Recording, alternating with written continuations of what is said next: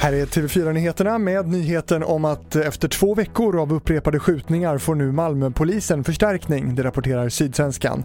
Det är andra polisdistrikt som har kallats in för att vara synliga ute på gatorna och hjälpa till med den konflikt som trappats upp i de kriminella miljöerna.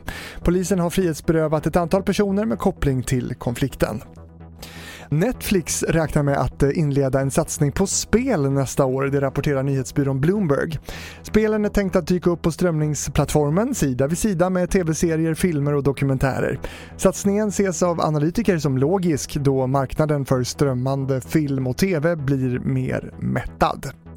Och till sist om att Brasiliens president Bolsonaro kan behöva opereras akut då han drabbats av hicka.